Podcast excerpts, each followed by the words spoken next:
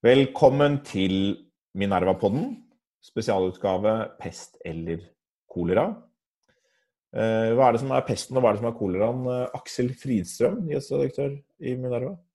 Ja, I dette metaforapparatet så er det vel da pesten, det er vel det vi da kaller for sykdommen. Og koleraen er jo da eh, konsekvensen av de tiltakene vi anvender for å beskytte oss mot sykdommen, altså de negative økonomiske konsekvensene er vel da det du, er ute etter. Så det er tema for, eh, for denne Minerva-podden, jeg tror for eh, sikkert mange Minerva-podder eh, fremover. Jeg glemte forresten å si at jeg heter Nils Husen Andresen, er redaktør i Minerva. Vi hadde en litt dramatisk dag i går på, på covid-19-fronten med en ny pressekonferanse fra regjeringen. Forlengelse av alle tiltak. En aktiv dag i debatten på NRK. Fredrik Solvang fikk svingt seg litt i, i manesjen. Og hva ble vi hadde der, Aksel? Altså, vi, vi, fikk på en måte presentert to uh, ulike scenarioer fra Folkehelseinstituttet.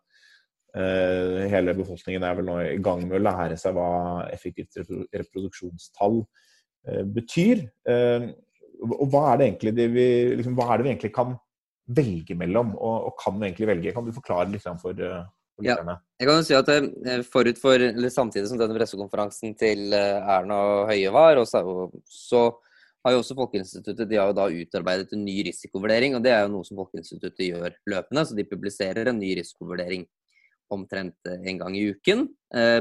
Det som er nytt i denne nye risikovurderingen, er at de har, en, de har utviklet en slags egen modell da, for å modellere og simulere eh, utbredelsen av en covid-19-epidemi i Norge. Og så har de på bakgrunn av det også utarbeidet da eh, tre, egentlig tre mulige scenarioer, hvor bare to av dem er aktuelle, men det er tre som er eh, beskrevet. Det ene er jo da slippe epidemien løs, og det er jo egentlig et slags sånn nullscenario. Altså hva skjer hvis vi ikke gjør noe? Eh, egentlig det er vanlig å utvikle et sånt scenario, selv om man ikke har tenkt å forfølge det, bare for å vise hva som er, bare for å ha noe sammenlignende med. Så har de et scenario som heter brems. Og dette scenarioet som heter brems, det innebærer at det viruset får et effektivt reproduksjonstall på 1,3. Noe som innebærer at eh, hver person som blir smittet, smitter 1,3 nye personer.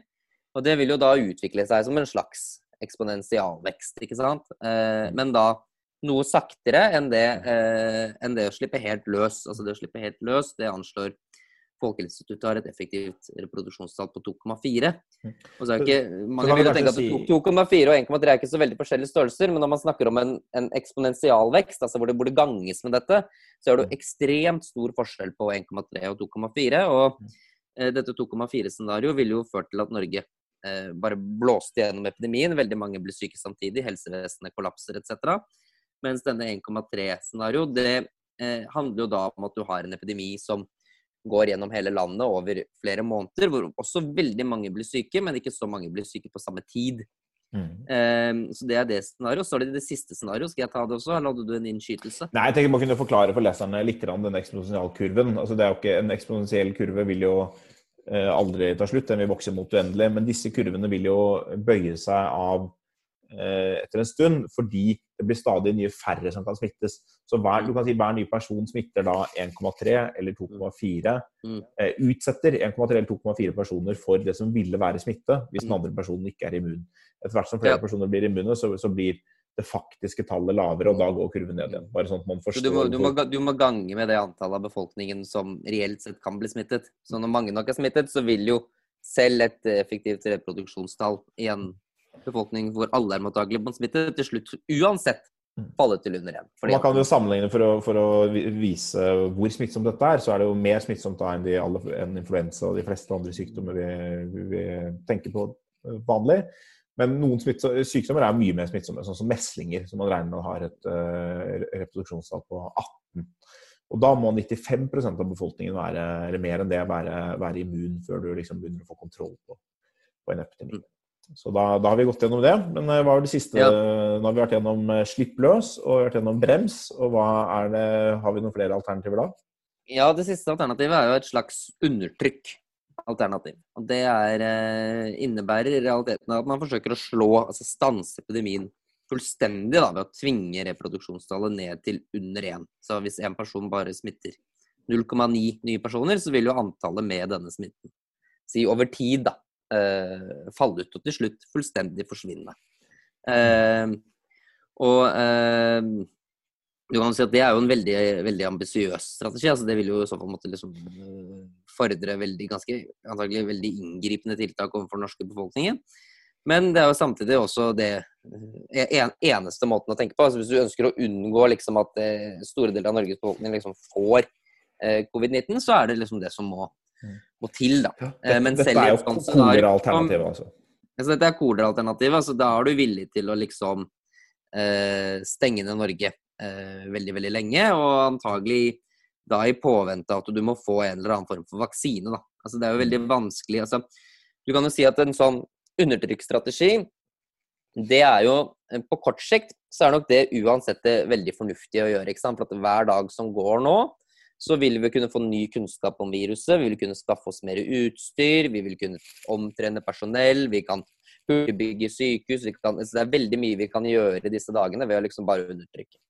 Men som en langsiktig strategi så er det jo litt mer tvilsomt. fordi at eh, det er veldig vanskelig å se for seg hvordan du kan ha et, eh, et endgame, liksom, eller en exit fra, fra, epidemien uten at en stor andel av befolkningen har blitt immune.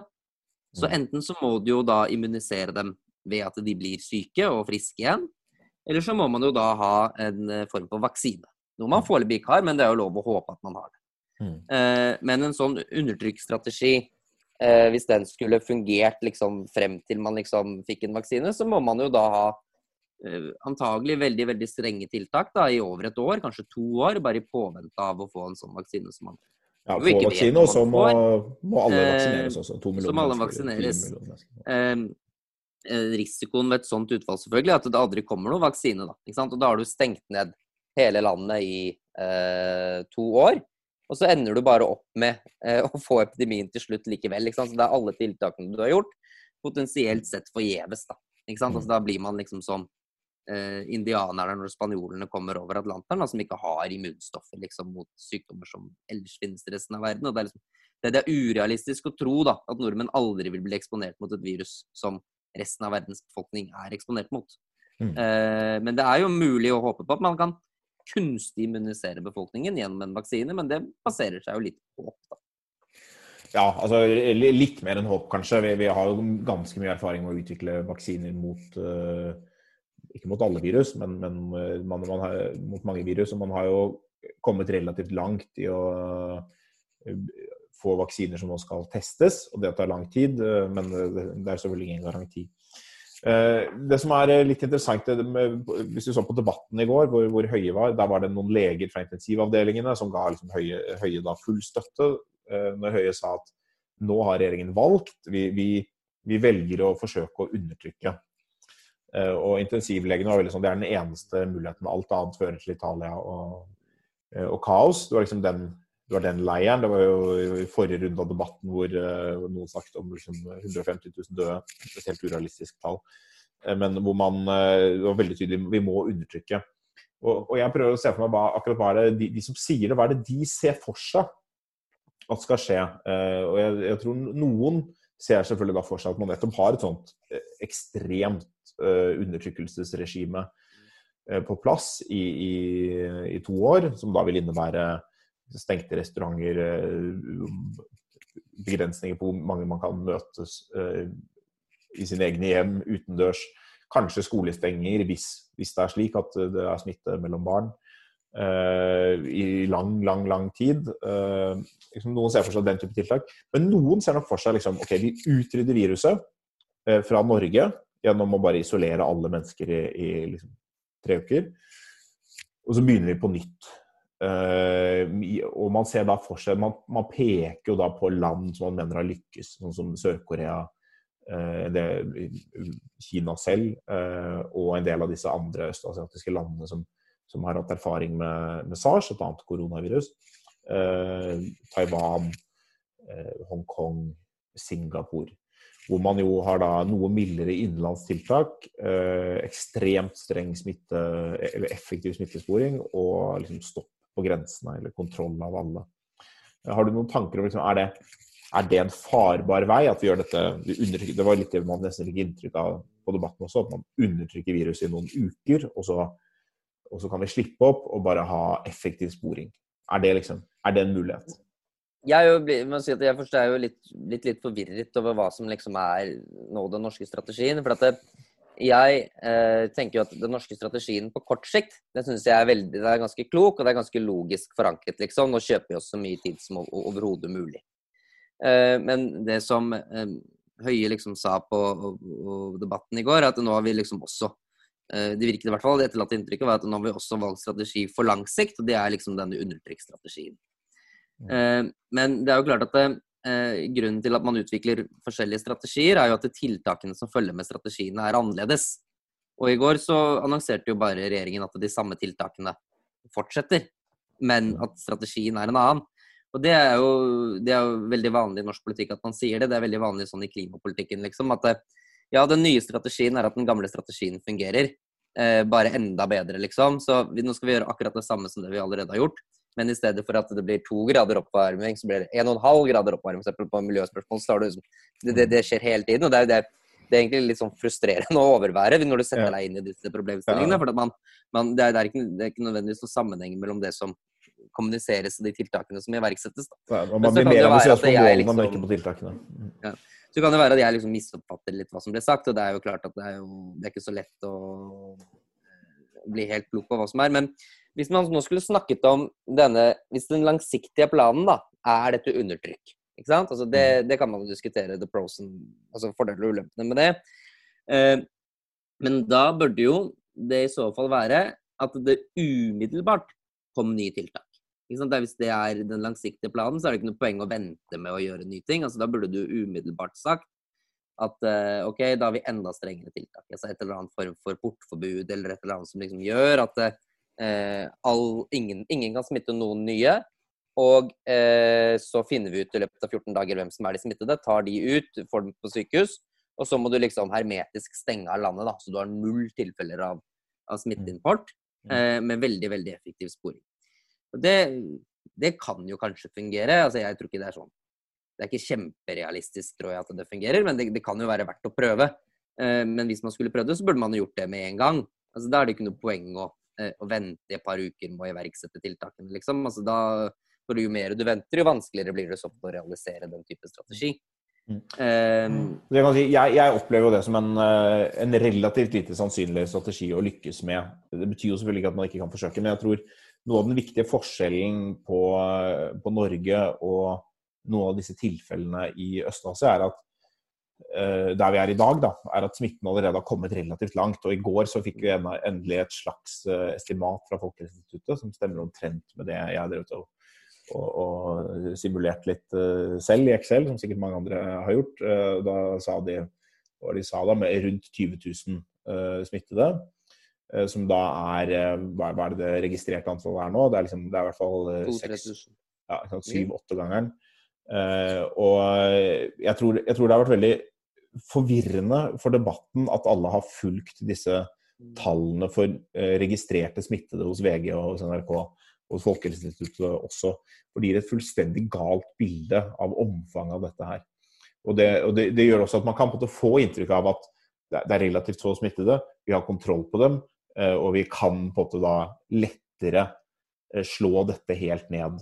Det er mye vanskeligere å slå ned noe allerede, når allerede 20 000 eh, er smittet, og vi har kontroll på en, bare en liten andel av disse smittede. Så det er liksom den ene biten.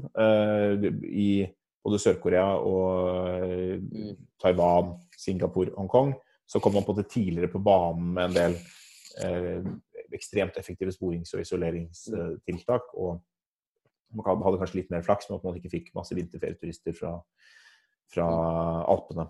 Eh, men så har du noen andre forskjeller, sånn som fra, fra Kina, hvor, jo, hvor Han er en bitte liten ikke en bitte liten by, det er ikke ti millioner mennesker, men, men i, i, kinesisk sammenheng så er det en bitte liten andel av landet.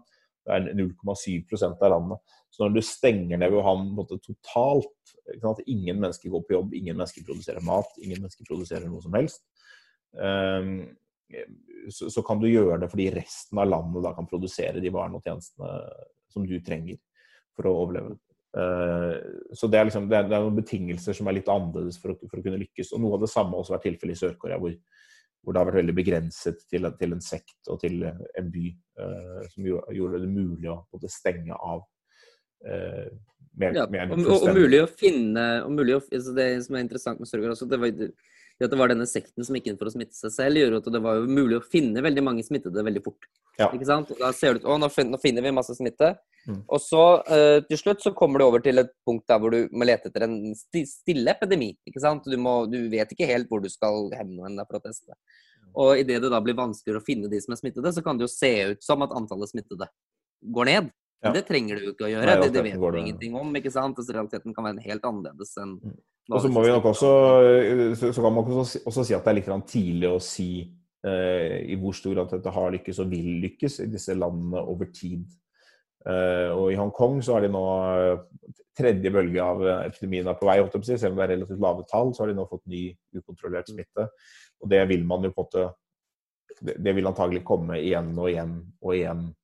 Uh, og det er krevende å, å lykkes med det. Jeg, jeg, har liten tro på at vi kan lykkes med det i Norge, og at, at det er stor toleranse for den type tiltak som kanskje da måtte iverksettes. Det kan være feil, men det er på en måte mitt utgangspunkt. Og det betyr, Aksel, at hvis vi skal nå konkludere litt, vi heller litt mot pest, gjør vi ikke det?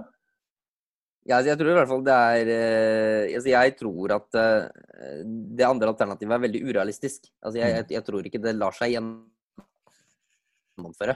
Uh, hvis det hadde latt seg gjennomføre, så ville det jo liksom vært kanskje vært Hvis det var mulig liksom, å stenge ned Norge i to uker og luke ut all smitte, liksom, og så er vi ferdige, og så får vi det aldri igjen, så kanskje, liksom. Men jeg, jeg, jeg tror ikke det er mulig, egentlig. Og det er liksom kanskje derfor det er min aversjon mot å velge den type strategi. Man må også både huske sant, hva det betyr. Vi må huske på alle typer ting vi normalt ikke kan klarer å lykkes med. Altså, vi, vi klarer jo ikke Eh, å hindre folk i å bruke narkotiske stoffer, selv om vi har kjørt en krig mot narkotika i 50 år. Vi klarte ikke under forbudstiden å hindre folk i å drikke. Eh, og det å på en måte tro at vi klarer å hindre hele befolkningen i å møtes over lang tid, da inkludert kriminelle, eh, elskere, ungdom som er fulle av hormoner, drankere, psykisk forvirrede mennesker Alle disse menneskene må på en totalisoleres over lang tid, og så må grensene forsegles eh, både for dem og for andre typer mennesker.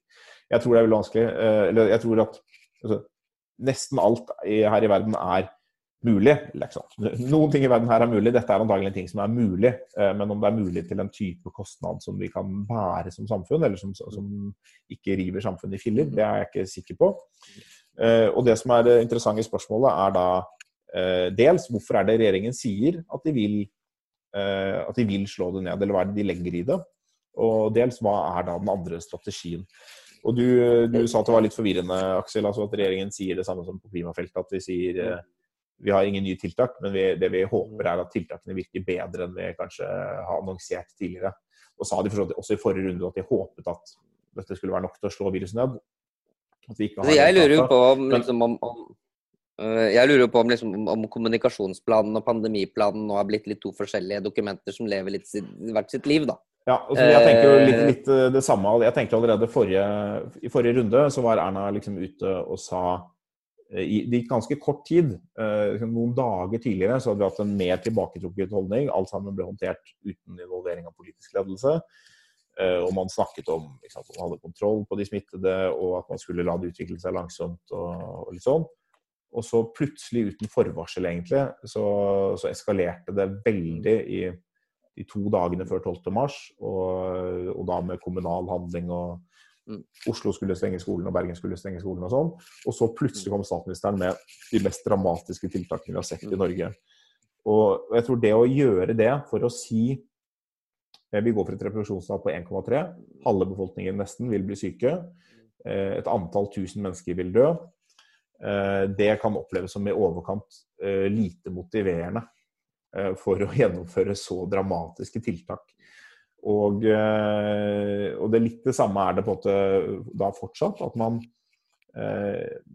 Og kanskje man har et håp også. Kanskje man har et håp om at disse tiltakene er nok til å få det ned til 0,9. Jeg har jo et sånt håp, selv om jeg ikke nødvendigvis tror at det ja, og, og det blir veldig spennende. Jo alle det. Liksom. Ja, og det blir veldig spennende å se. Jeg tror ikke det, litt basert også på, på, utviklingen i noen av de siste tallene vi ser. Jeg tror ikke at det, at det er så langt ned. Men man kan selvfølgelig håpe det. Men sånn som jeg har opplevd kommunikasjonsstrategi, så kan du si man, man kommuniserer at man håper dette, og at man for så vidt agerer med et ønske om, skal, om, å finne tiltak som kan bidra til det, men med en slags realisme om at det er ganske plausibelt at de tiltakene vi finner, ikke får oss lenger ned enn 1,3. Mm. Kanskje ikke dit heller. Vi, vi, kjenner jo ikke effekten av disse tiltakene mm. ennå. Og kanskje må vi ha strengere tiltak bare for å nå 1,3. Det, det, vil de neste par ukene, ukene kunne vise. Men på pressekonferansen så var Erna veldig tydelig på betydningen av at helsevesenet ikke skulle kollapse. Og, mm. og også for to uker siden så, så, sa, eh, så, sa, Bent Høie omtrent noe sånt som at eh, vi, vårt mål er at ingen skal dø, eh, komma, eh, fordi de ikke får helsehjelp. Ja. Eh, så, så, det var liksom et offensivt budskap. Ingen skal, ingen skal dø. Eh, men det, det, mener vi selvfølgelig ikke. Men ingen skal dø fordi, fordi helsevesenet har kollapset. Og Det er på en måte det som vi snakket om i forrige podkast. Å forhindre den kollapsen som fortsatt er er alfa og omega. Også, jeg tror jo også i, i valget av disse strategiene, så er det jo også Det man ofte ønsker i, i en kommunikasjonsplan, det er jo å, å, å, forenkle, og sånn at folk liksom skjønner veldig enkelt hva du vil. ikke sant? Altså, vi vil slå ned virus. ikke sant? Det er jo en veldig enkel ting å si. Og, og alle skjønner hva som jeg mener, og hva som er fordelen med å slå det ned. Det alternative scenarioet som er brems, mm. det er et ufattelig komplisert scenario å forklare til folk. ikke sant? For at eh, det Brems jo sier, er at vi aksepterer Vi omfavner epidemien. Vi aksepterer at epidemien kommer inn i landet. Vi aksepterer også at epidemien vil smitte 50% av befolkningen.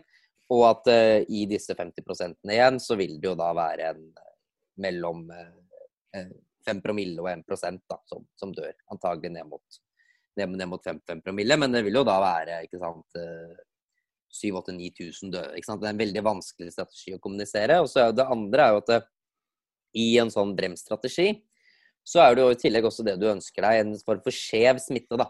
Du ønsker jo at de som har størst sannsynlighet for å bli lagt inn på sykehus og få komplikasjoner, de skal ikke bli smittet.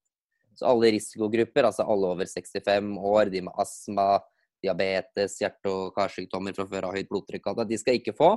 Mens alle de friske, liksom, som vi tror at har bedre liksom, eh, forutsetninger for å bære et sånt virus, de vil man jo egentlig gjerne at skal bli smittet for å oppnå en eller annen form for flokkimmunitet, som også da beskytter disse sårbare. Men det er jo veldig liksom, vanskelig for en eh, regjering eller et folkehelseinstitutt eller noen fagperson å si da, at vår plan liksom, det er at uh, du og du og du, du skal få uh, dette viruset og vi og denne sykdommen, en veldig ubehagelig sykdom som kan eller ikke kan være farlig for deg, liksom. Og det er liksom det er planen, da. At du mm. blir syk. Og det, det jeg, altså, jeg hadde ikke noe sånn Uh, la oss si at det var, det var noen, en butikk da, som solgte dette. Så jeg er ikke sikker på at jeg hadde gått inn i den butikken med en gang. Liksom. Det, uh, det kan jo være uh, det, det, finnes jo et, åpenbart et rasjonale bak den måten å tenke på, som jeg tror på sett og vis rent sånn utilitaristisk. Da. Så dette er den det, det scenarioet som har størst sannsynlighet for å begrense skade best. Men det er jo utrolig vanskelig å forklare til folk. Ja. Og jeg tror kanskje at man til og med har gitt opp å forklare det til folk. Ja. Men at man i hemmeligheten liksom jobber ut ifra den måten å tenke på. Ja. Jeg opplevde at Erna for så vidt på pressekonferansen eh, gikk ganske langt i å si de tingene. Eh, før hun da også sa at man hadde et mål om å, å slå dette ned. Det klart, Å slå ned et virus er en litt upresis begrepsbruk.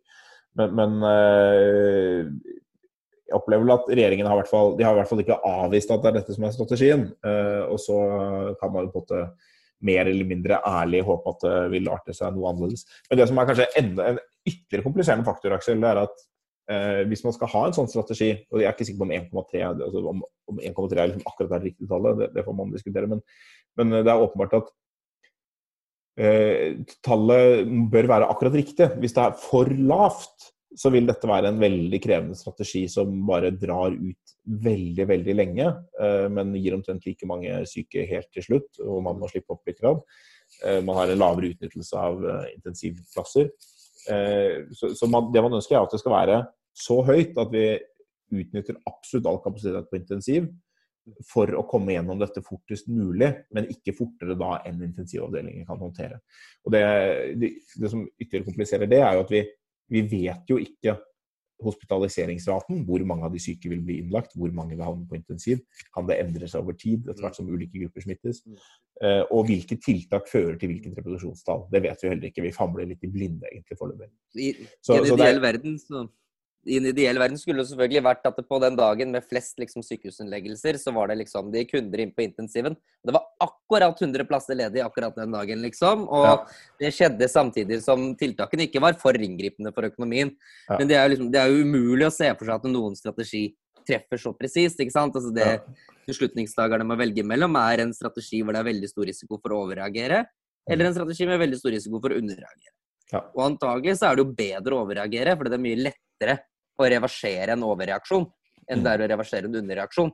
Mm. Hvis du har underreagert og plutselig har fått 100 000 smittede du ikke vet hvem er, så får du ikke det trollet tilbake i esken, liksom. Men, uh... Men du Aksel, altså, vi, vi jo, du og jeg er jo ganske fornøyd med regjeringens strategi. Altså, dette er jo litt som vi pleier å si om budsjettene. ikke sant? Et godt budsjett er blitt enda bedre og er optimalt tilpasset den økonomiske og politiske situasjonen. Men, men hvis vi ser rundt oss liksom inn i Facebook-Høyre og, og litt sånne steder, så er jo folk ganske sure. En ting er at de ikke får dratt på hytta, det er klart at det blir folk sure for. Men, men der er jo litt mer omkvedet at dette her er liksom ikke verdt det under noen omstendighet. Det ødelegger økonomien, og det er altfor dyrt. Og, og, vi kunne brukt pengene på, på, alt mulig annet som ville vært mer utilitaristisk også, da. Mm. Har vi noe klokt å si til, til denne gruppen av våre åndsfrender? Jeg tenkte at jeg skulle, jeg skulle, skrive om det. Jeg kan jo også da, kanskje si det jeg har tenkt til å skrive. Men Eh, det er jo eh, nå en del sånne debattinnlegg som handler om ren sånne helseøkonomiske betraktninger. Altså hvor mange leveår kan vi liksom redde? Og så skal vi liksom gange opp det med tall, og så finner vi ut at så mye er liksom disse tiltakene verdt, og så koster de så mye. Mm. Jeg tror at det er, det er jo en veldig eh, naiv måte å tilnærme seg dette problemet på. Eh, det første problemet med det er jo at eh, mange av de som tenker på den måten, de tror at alt som er vondt og vanskelig, liksom, det kan tilskrives de tiltakene som regjeringen har iverksatt. Men det er jo ikke riktig. ikke sant? Altså, for det første så er jo mye av grunnen til at norsk økonomi eh, nå går i dass, skyldes jo at dette er et globalt fenomen. Det er jo ikke et lokalt norsk fenomen. Altså, Oljeprisen er jo ikke under 30 dollar fatet liksom, fordi at eh, folk ikke, barn ikke får gå i barnehagen. Det er ikke det som har gjort at oljeprisen eh, faller. Så disse tingene ville jo hatt uansett. Så er det jo det at eh, selv i fravær av tiltak, så ville jo eh, folk hatt en naturlig tilpasning til at det finnes et dødelig virus der. Så folk ville jo frivillig valgt å redusere sin økonomiske aktivitet, altså restaurant, besøk, kinoer, frisører, den type ting. Helt uavhengig av om regjeringen påla deg å gjøre det. Eh, forskjellen på at regjeringen pålegger deg å gjøre det, er at eh, du kanskje blir bedt om å gjøre disse tingene litt før du skjønner det selv. Men på et eller annet tidspunkt så vil jo folk også i veldig langt, eh, langt på vei skjønt det selv. Altså Det er helt unaturlig liksom å tro at det står 50 000 mennesker tett sammen med hverandre på fotballkamp, liksom, samtidig som det tikker inn 500 nye døde på, på Ahus i dag. Ikke sant? Altså, den, den, type atferd vil folk uansett ikke ha. Mm. Eh, det andre er jo at eh, den type måte å, å liksom å, um, å, regne på, den, eh, den legger jo også til grunn at det liksom er, i det hele tatt er mulig da, å blåse gjennom hele økonomien og liksom bare å tillate at helsevesenet liksom kollapser. Og det man jo vet fra andre land, at det antagelig ikke er mulig. For det finnes jo land som har prøvd det. ikke sant? Altså Italia og Spania har jo liksom ubevisst da, tillatt liksom at denne epidemien kommer fullstendig ut av kontroll i sitt eget land. Og konsekvensen er jo på sett og vis at det liksom hele samfunnet liksom stenges ned. Så eh, jeg tror at de, liksom, de, som argumenterer for det, de forelsker seg liksom i en sånn slags utopi, da, hvor man liksom forsøker å regne seg ut av at dette problemet finnes, ved å ha litt sånn rare og falske forutsetninger. Så jeg, jeg, jeg tror ikke på det, og jeg tror at eh, det handler også om hvilken legitimitet som, som staten har. Altså, statens oppgave er jo liksom å ivareta folks sikkerhet og trygghet og tilby helsehjelp og den type ting.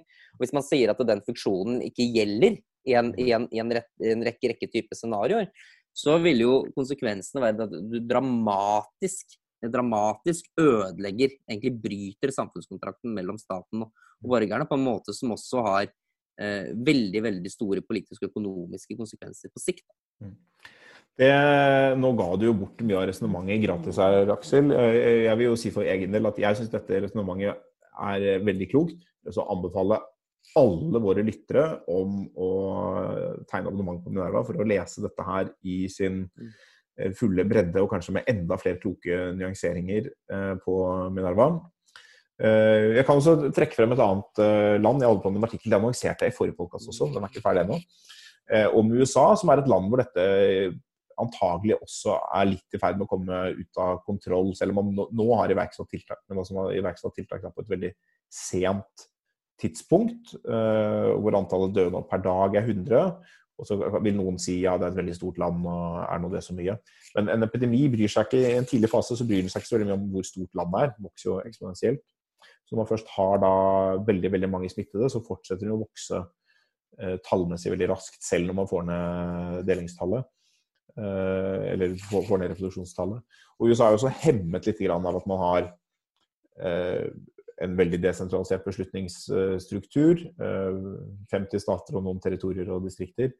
Eh, og en president som ikke eh, kanskje er helt på høyden av akkurat denne situasjonen. Brukte halvannen måned på å nedtone betydningen av, denne krisen. Og nå synes å være ganske opptatt av å få lettet på de økonomiske tiltakene. Og der vil vi nok se altså Jeg tror på en måte det er det du sa med at man gjør tilpasninger på privat initiativ, eh, det gjør man først når man begynner å bli ordentlig redd. Og ordentlig redd det begynner man ikke å bli før dødstallet kommer ganske nær deg. Eh, og så langt så er det da 150 døde om dagen eh, i USA. Og det er ikke nok til at folk er naturlig redde. Nå har, det, mye blitt stengt av delstatene allikevel. Men i løpet av et par uker så vil vi se dødstall der på, på 1000 om dagen. Og det kommer til å fortsette å stige og stige, fordi USA er et enormt land. Og det kommer til å stige eh, til over 10 000 om dagen, sannsynligvis. I USA eh, høyst sannsynlig over 10 000. Og hvis tiltakene ikke lykkes, enda veldig mye mer. Eh, og da får du på en måte se eh, hvordan dette ser ut når folk opplever så mye død rundt seg. For det er jo det som er, er tilfellet litt som vi ser i, i Italia og Spania. At det påvirker hele, hele samfunnet egentlig når du ser all denne døden uh, ukontrollert død rundt deg. Det er noe vi ikke har sett uh, i Vesten på veldig veldig lenge. og jeg tror man uh, Det er vanskelig å regne på akkurat hvordan, hvordan det påvirker. Folk reagerer på det. For det, er jo noe, det er jo noe litt annet, ikke sant. At det er litt, litt flere som døde av en eller annen i år, liksom. Så i statistikken da, så dør det liksom 50 000 i år istedenfor 40 000, liksom, så tenker man at det liksom bare er noen tall, og det kan vi liksom regne vekk. Men det er noe helt annet. Og, altså Død og fordervelse og gjør et psykologisk inntrykk på folk da, hvis det skjer i stor skala rundt dem, som det, den type måte å tenke på ikke gir inntrykk for. Jeg må si, Vi må avslutte podkasten eh, snart, for jeg må, jeg må, gjøre noe annet med nerva-relatert.